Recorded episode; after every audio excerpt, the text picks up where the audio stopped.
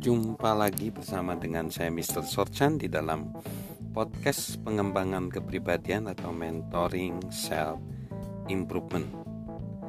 Ketika kita mengembangkan diri, sebenarnya ada resiko yang harus kita ambil.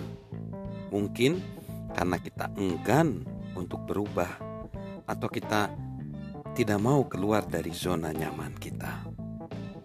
Tapi tapi perlu diingat bahwa pengembangan diri harus disertai dengan niat yang sungguh-sungguh. Tidak seorang pun yang bisa begitu saja mengembangkan diri.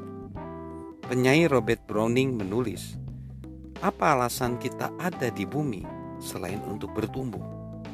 Hampir semua orang setuju bahwa pengembangan kepribadian adalah hal yang baik. Namun hanya sedikit orang saja yang mendedikasikan dirinya pada proses ini. Mengapa? Karena pengembangan kepribadian memerlukan perubahan dan kebanyakan orang enggan berubah.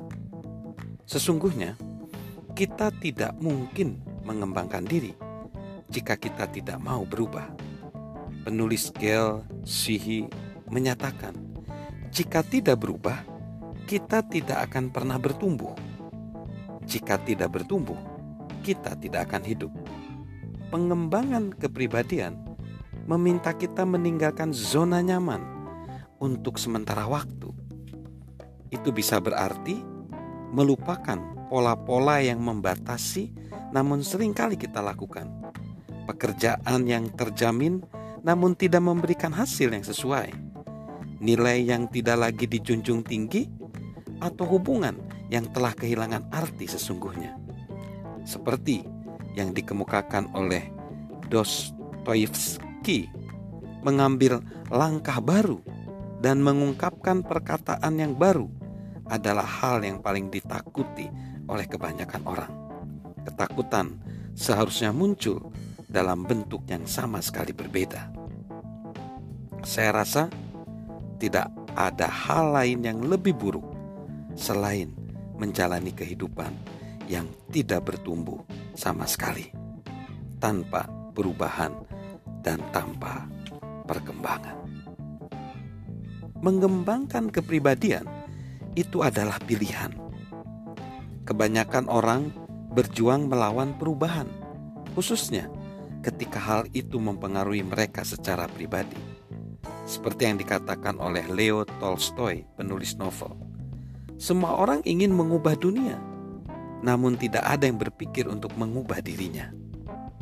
Ironisnya, perubahan tidak dapat dihindari. Semua orang harus menghadapinya. Di sisi lain, pengembangan kepribadian adalah sebuah pilihan. Kita dapat memilih untuk mengembangkan diri atau bersikeras menentangnya. Namun ketahuilah, orang yang tidak bersedia mengembangkan kepribadian tidak akan pernah mencapai potensi mereka. Dalam salah satu bukunya, Howard Hendrick bertanya, "Bagaimana kamu bisa berubah?" Akhir-akhir ini, minggu lalu mungkin, atau bulan lalu, atau tahun lalu, dapatkah kamu mengatakannya dengan sama dengan sangat spesifik? Dia tahu bagaimana orang-orang cenderung tidak produktif ketika tiba waktunya untuk mengembangkan diri dan berubah mengembangkan kepribadian adalah pilihan. Keputusan untuk mengembangkan kepribadian benar-benar dapat membuat perubahan dalam kehidupan seseorang. Kebanyakan orang tidak menyadari bahwa sesungguhnya orang yang berhasil dan gagal memiliki kemampuan yang sama.